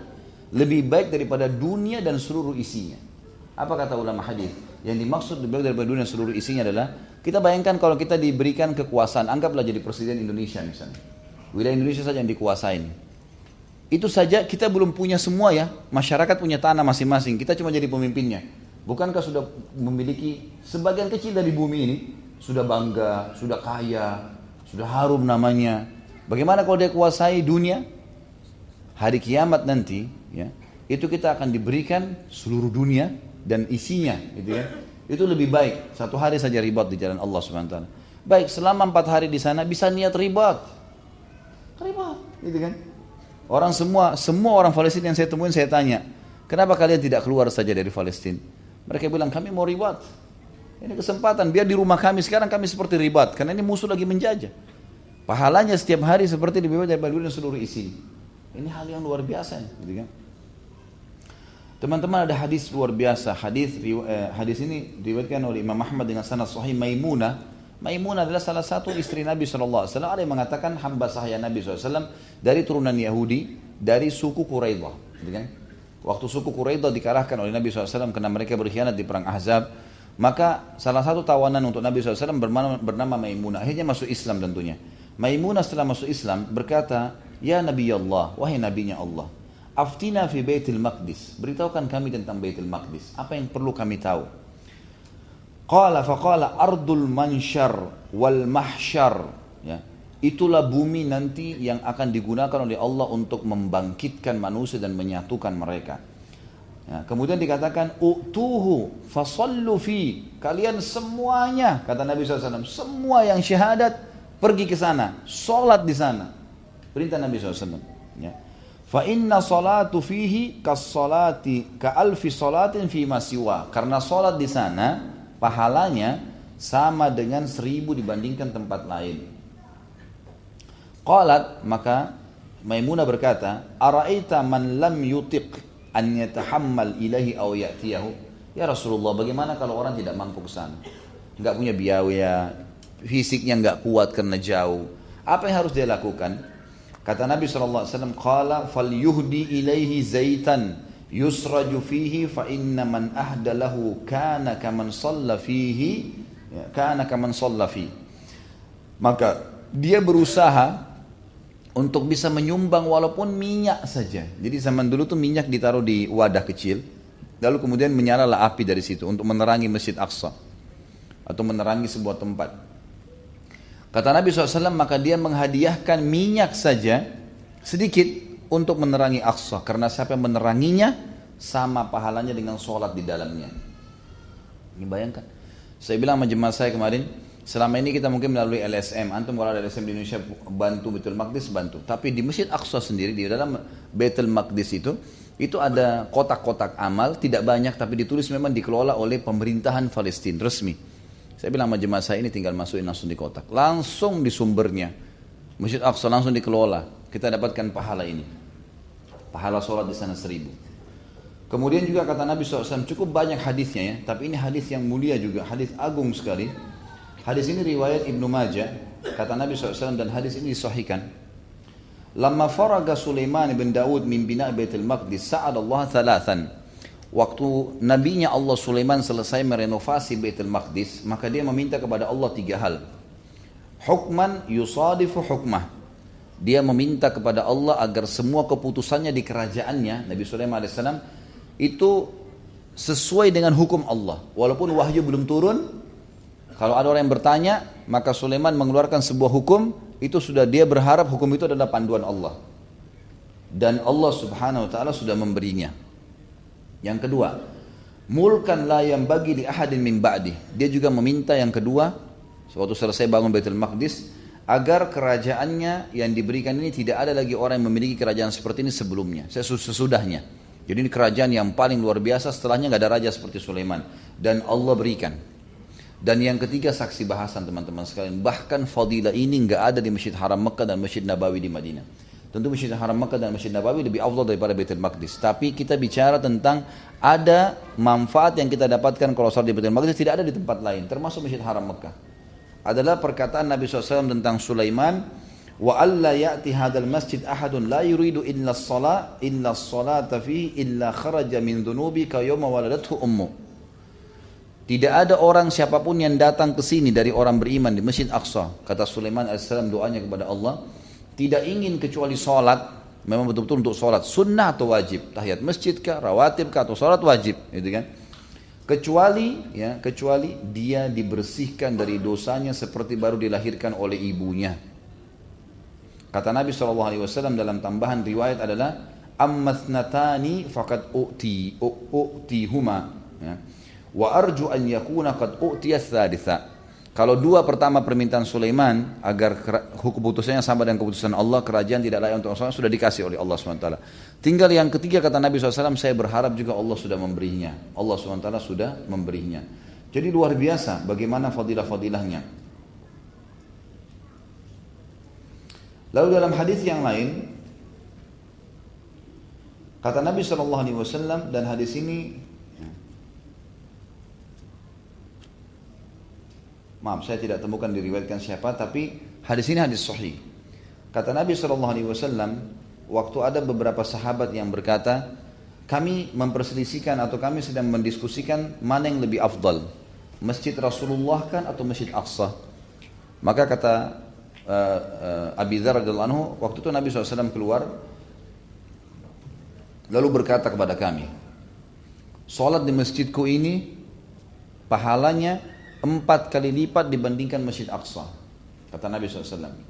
Tapi ketahuilah, sebaik-baik tempat sholat adalah Masjid Aqsa. Sebaik-baik tempat sholat. Nanti disuruh ke sana. Lalu kata Nabi SAW, nanti akan tiba satu saat nanti, akan tiba satu zaman nanti di mana seseorang di masjid di sekitar Masjid Aqsa tidak memiliki tanah kecuali seperti tali kekangan untahnya, tali kekangan kudanya, atau hanya seperti busur panahnya. Bayangkan kalau busur panah, anggaplah busur panah paling besar, besar seperti meja ini misalnya, satu meter lebih atau satu meter setengah. Hanya seperti itu tanahnya saja, gitu kan? Atau seperti tali kekangan kudanya. Di sekitar Baitul Maqdis itu dia seseorang dengan nanti tidak akan punya kecuali seperti itu. Dia akan mempertahankannya karena hanya ingin melihat Baitul Maqdis. Nanti akan datang cobaan dan ini kemungkinan kata para ulama hadis Nabi SAW menceritakan keadaan kita sekarang. Karena di sana orang luar biasa sampai tergusur, tergusur, tergusur gitu kan. Jadi sampai orang tetap tapi tetap bertahan karena ingin melihat Baitul Maqdis kata Nabi SAW dan ini penyampaian pesannya. Dan seseorang di antara kalian yang punya ukuran tanah sekecil itu pun di sana pada saat itu lebih baik nilainya di sisi Allah daripada dunia dan seluruh isinya. Ini luar biasa nih. Berarti fadilah yang sangat besar sekali teman-teman sekalian. Dan saya melihat kita melupakan ini. Dan masih banyak dari yang lain ya. Tapi di diri sahabat, di diri sahabat, ini tidak terlupakan ini. Ini ditahu adalah janji. Tadi ingat saya bilang ya, kita sedang membahas apa pun yang merupakan janji Allah, ya, itu atau sesuatu yang disuruh untuk lakukan atau kerjakan atau datangin atau rebut itu tidak boleh kita sia-siakan karena itu benar Tinggal kita mau melangkah atau tidak. Para sahabat sangat faham itu. Maka kita akan lihat nanti Abu Ubaidah bin Jarrah salah satu pimpinan perang yang menembus wilayah Syam. Termasuk Masjid Aqsa ini direbut di tangan Abu Ubaidah radhiyallahu anhu. Karena mereka tahunya tentang masalah ini. Baik. Inilah teman-teman sekalian durus wal ibar. Ini pelajaran-pelajaran yang akan yang kita ambil ya walaupun saya datangkan di awal-awal karena memang manfaatnya Ya tujuannya adalah supaya pada saat kita bahas tentang Abu Ubaidah radhiyallahu anhu tokoh-tokoh kita ini kita akan nyambung oh ya ternyata ini sebabnya oh ya karena ini karena ini dan seterusnya. Baik Abu Ubaidah bin Jarrah kita akan masuk kepada pribadi beliau radhiyallahu anhu seorang tokoh pahlawan yang layak untuk difahamin kehidupannya diketahui diikutin dicontohi dan seterusnya. Abu Ubaidah bin Jarrah bernama Amir bin Abdullah. Amir bin Abdullah bin Jarrah.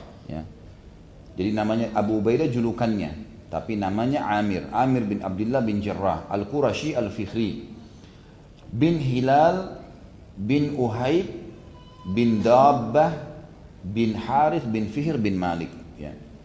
Ini kurang lebih jalurnya ketemu dengan Nabi SAW tentunya di jalur nasab Quraisy. Ibunya bernama Ummu Umaymah binti Ghanam bin Jubair. Tentu ini sempat masuk Islam ibunya. Sementara ayahnya Abdullah bin Jarrah ini disebutkan khilaf di antara sejarah tapi umumnya mereka mengatakan tidak sempat menganut agama Islam karena meninggal sebelum ya Islam itu sendiri. Kemudian ciri fisiknya beliau ber, ber, pra, ke, keperawatannya ini lebih cenderung seperti mirip Abu Bakar.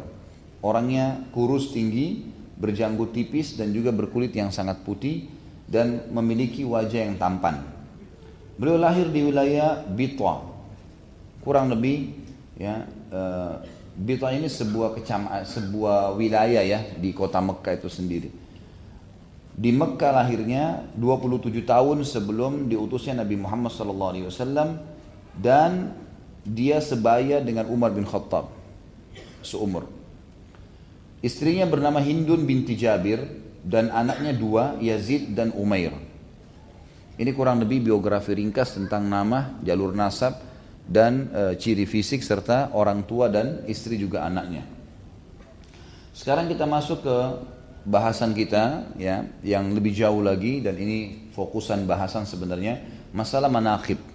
Manakib ini keutamaannya. Apa keutamaan Abu Ubaidah bin Jarrah sehingga dia termasuk orang-orang yang perlu dijadikan sebagai panutan selain seorang sahabat Nabi. Maksudnya dia selain sahabat saya sudah punya kedudukan, apalagi ada kelebihan-kelebihan yang lain. Yang pertama, beliau adalah masuk dari dalam 10 sahabat yang jamin masuk surga. Ini sudah masyhur hadisnya sering saya ucapkan dari Abu Bakar.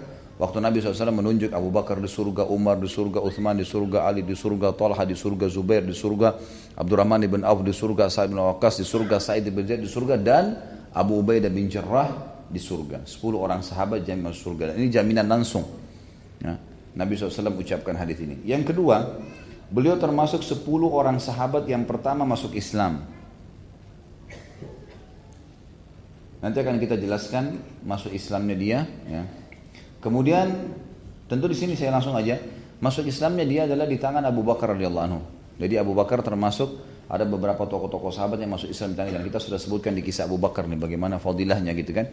Yang jelas Abu Ubay eh, Abu Ubaidah bin Jarrah salah satu yang masuk Islam di tangan Abu Bakar pada saat itu setelah ya masuk Islamnya beberapa orang di tangan eh, Abu Bakar seperti misalnya Utsman bin Affan gitu kan. Kemudian Abdurrahman bin Auf dan ada beberapa sahabat Nabi yang lain yang dijamin masuk surga juga di tangan Abu Bakar masuk Islamnya.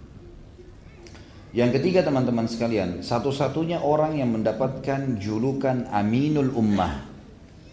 Aminul Ummah ini yang kita sudah katakan orang yang terpercaya dan ini tadi saya bilang dalam durus wal ibar yang pertama, kalau Islam diutus untuk itu.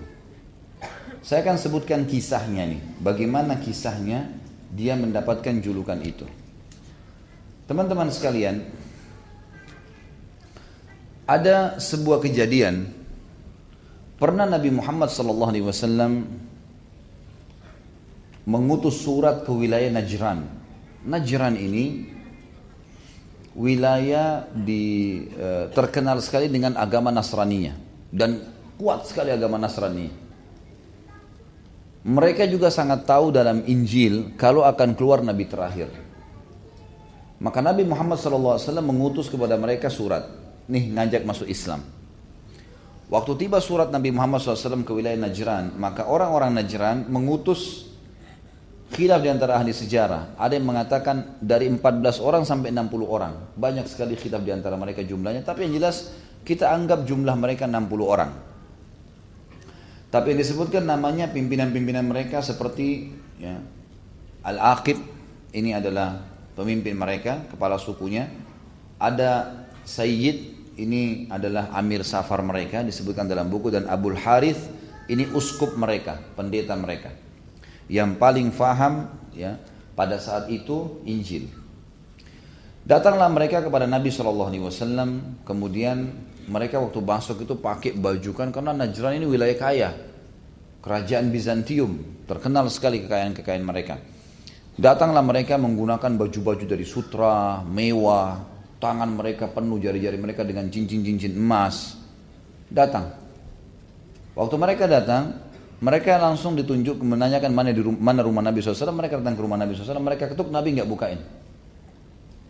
Dua kali, tiga kali, manggil-manggil, Hai Muhammad, kami dari Najran, kami yang engkau undang. Nabi SAW tidak temui. Sampai mereka hanya jenuh. Karena sudah lama Nabi nggak keluar. Mereka tanya, siapa? Ada kebetulan sahabat lewat siapa yang kira-kira yang dekat dengan Nabi kalian ini? Kata mereka yang terdekat adalah mertuanya, kedua mertuanya Abu Bakar dan Umar dan ada anak mantunya Ali dan Utsman. Empat orang ini masyhur. Datanglah kepada mereka, datanglah mereka. Mereka musyawarah, musyawarah, tanya Abu Bakar, tanya Umar, tanya Uthman, tanya Ali, ini apa nih masalahnya? Kenapa kami diundang tapi Nabi kalian tidak mau temui? Waktu itu Ali bin Abi Thalib jeli melihat ternyata penampilan mereka sangat mewah. Baju-baju sutra, cincin emas semua dipakai. Memang terlalu seperti kerajaan, orang-orang kerajaan yang datang.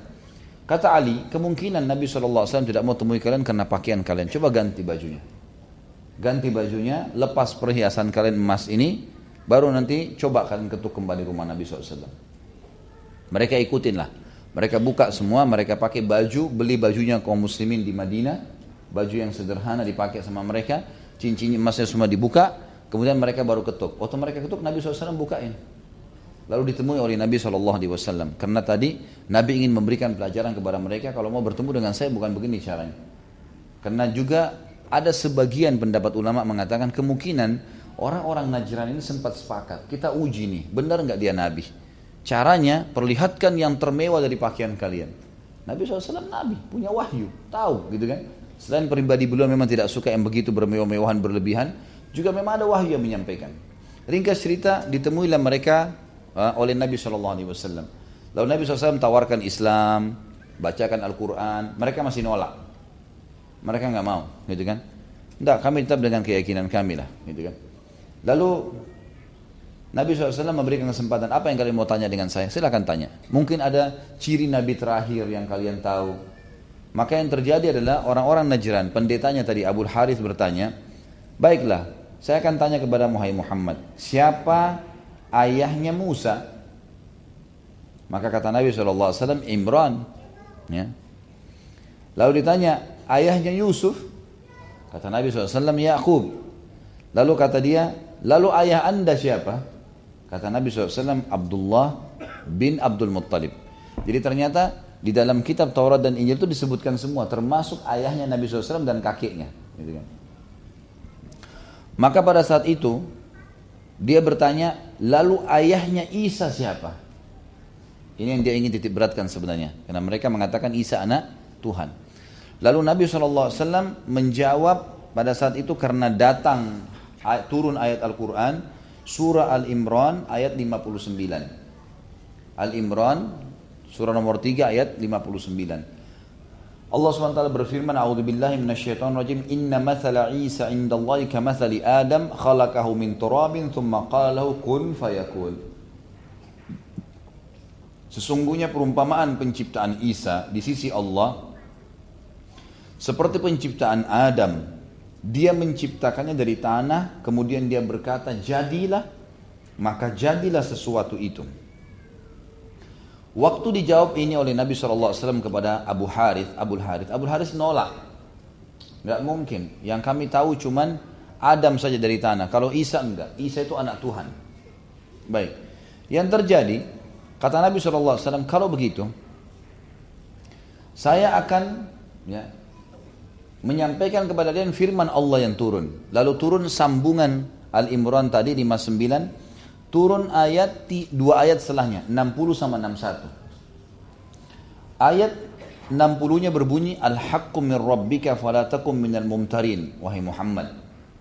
Kebenaran ini bahwasanya Isa memang diciptakan seperti Adam yang sudah saya turunkan itu benar. Maka jangan kau ragu, fala takun minal mumtarin. Jangan sampai kamu ragu dengan masalah ini. Jangan sampai kamu ya meragukan karena mereka bilang enggak, kami enggak temukan dalam Injil. Enggak.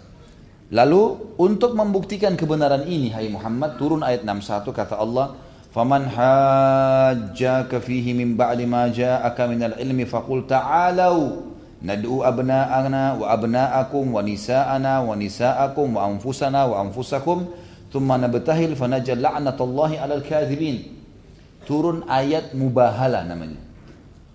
Mubahala adalah metode yang digunakan dalam Islam untuk menantang orang kalau mempertahankan dirinya pada kesalahan. Ini jelas salah nih. Kemudian dia bilang tidak, saya benar. Lalu dia mau coba menyampaikan kesalahannya, maka ditantang mubahala. Apa itu mubahala? Kata Allah, kalau seandainya ada orang di antara mereka membantahmu dalam hal tersebut kalau Isa diciptakan memang dari tanah seperti Adam. Sementara mereka tidak punya ilmu. Mereka nggak tahu, cuma tebak-tebak saja. Katakanlah hai Muhammad, ayo Kita sekarang bermubah mubahala dengan cara mendatangkan anak-anak kita masing-masing.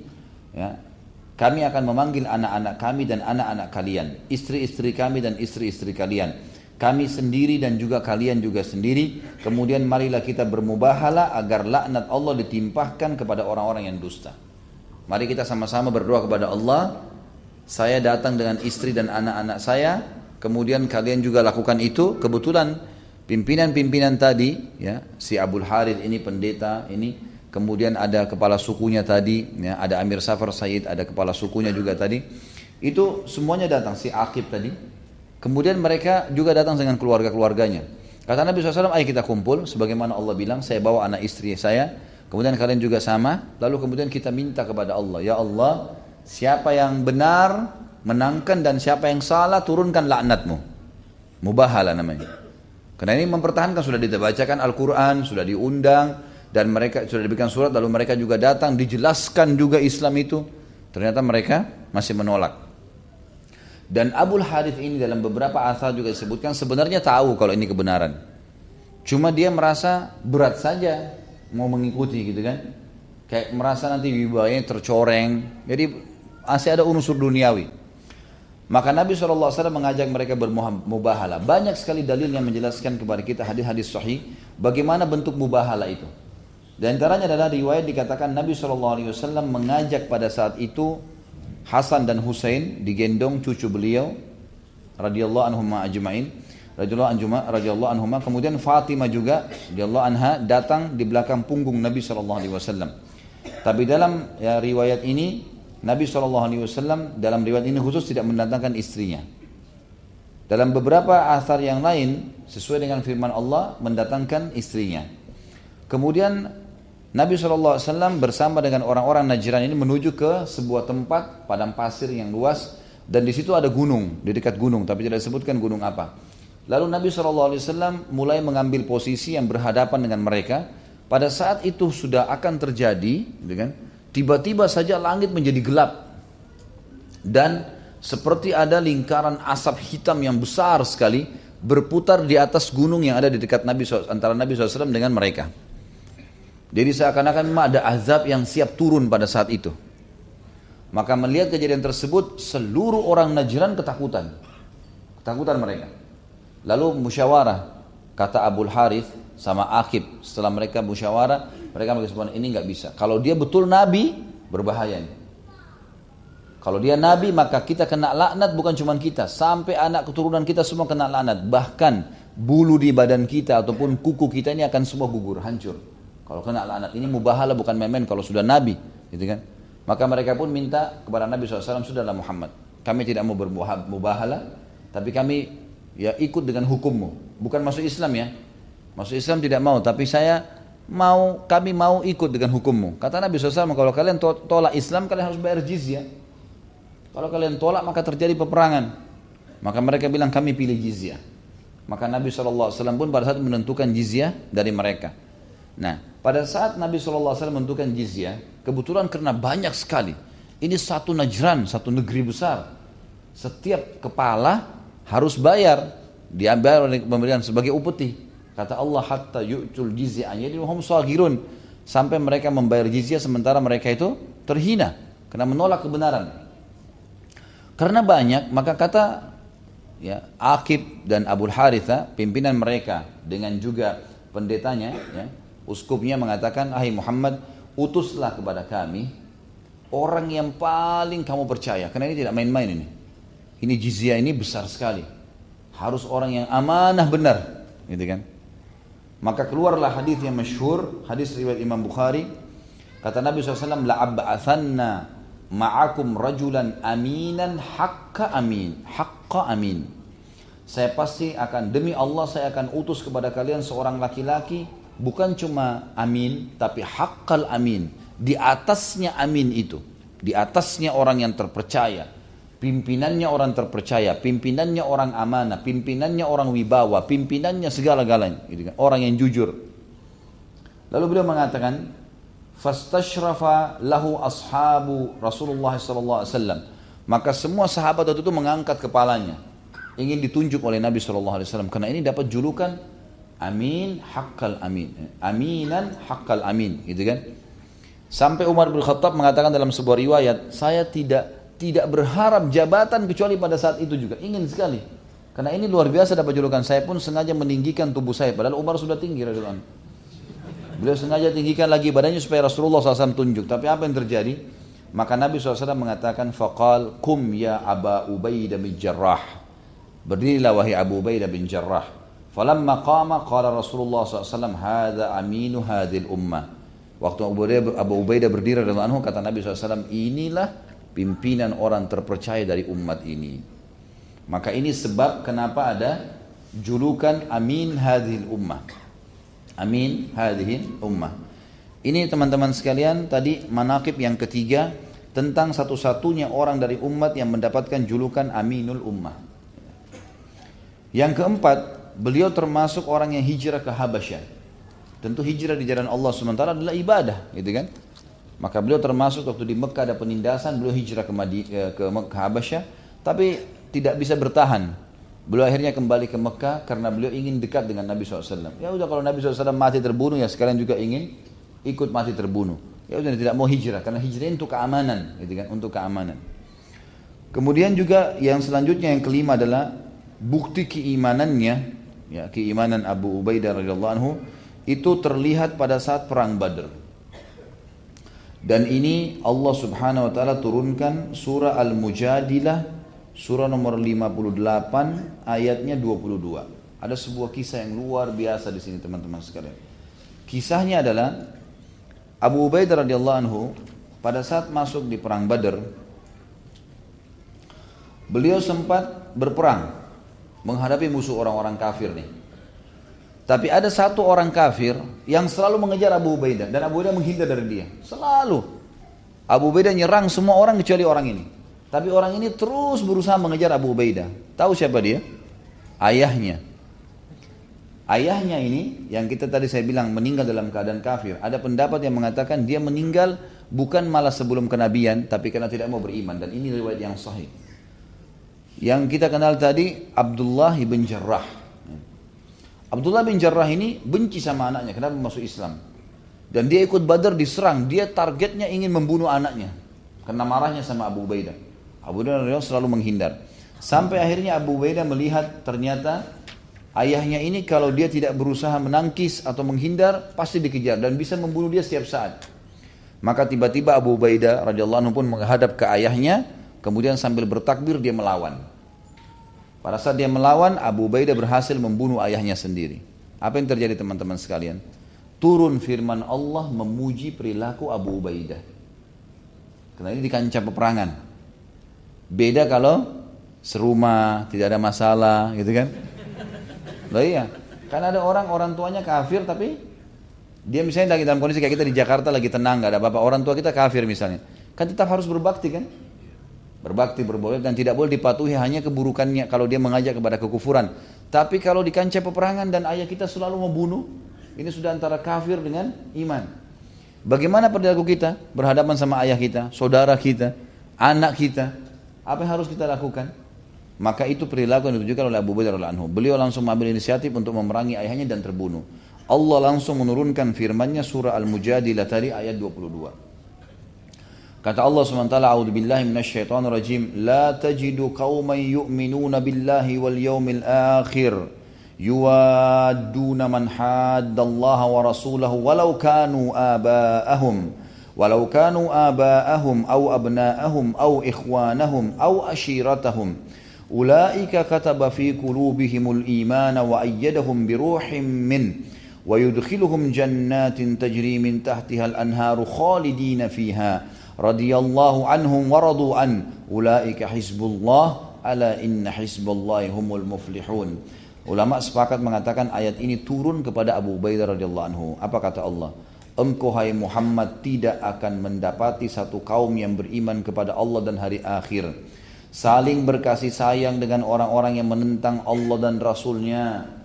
Nggak boleh berkasih sayang dengan orang-orang kafir dalam arti kata toleransi dalam masalah agama kita Sekalipun orang-orang itu adalah bapaknya sendiri, anaknya, saudaranya, atau kerabatnya Mereka itu adalah orang-orang yang dalam hatinya telah ditanamkan Allah keimanan dan Allah telah menguatkan mereka dengan pertolongan yang datang dari Dia. Lalu dimasukkannya mereka ke dalam surga nanti. Orang-orang yang seperti ini membela agama Allah walaupun di atas keluarganya. Allah akan masukkan ke dalam surga yang mengalir di bawahnya sungai-sungai. Mereka kekal di dalamnya, Allah ridho terhadap mereka dan mereka pun merasa puas terhadap limpahan rahmatnya. Mereka adalah golongan Allah, ingatlah sungguhnya golongan Allah pasti akan menang. Sa'id bin Abdul Aziz rahimahullah seorang ulama tabi'in berkata, hmm, ayat ini la tajidu qauma yu'minu billahi wal yawmil akhir ya itu turun kepada Abu Ubaidah radhiyallahu anhu atau Amir bin Abdullah bin Jarrah ketika ia membunuh ayahnya di perang Badar.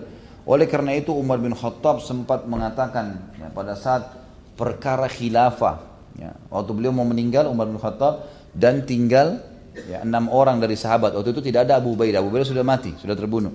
Gitu kan. Maka pada saat maaf sudah mati, maka Umar berkata, kalau seandainya Abu Ubaidah hidup, saya nggak perlu bentuk enam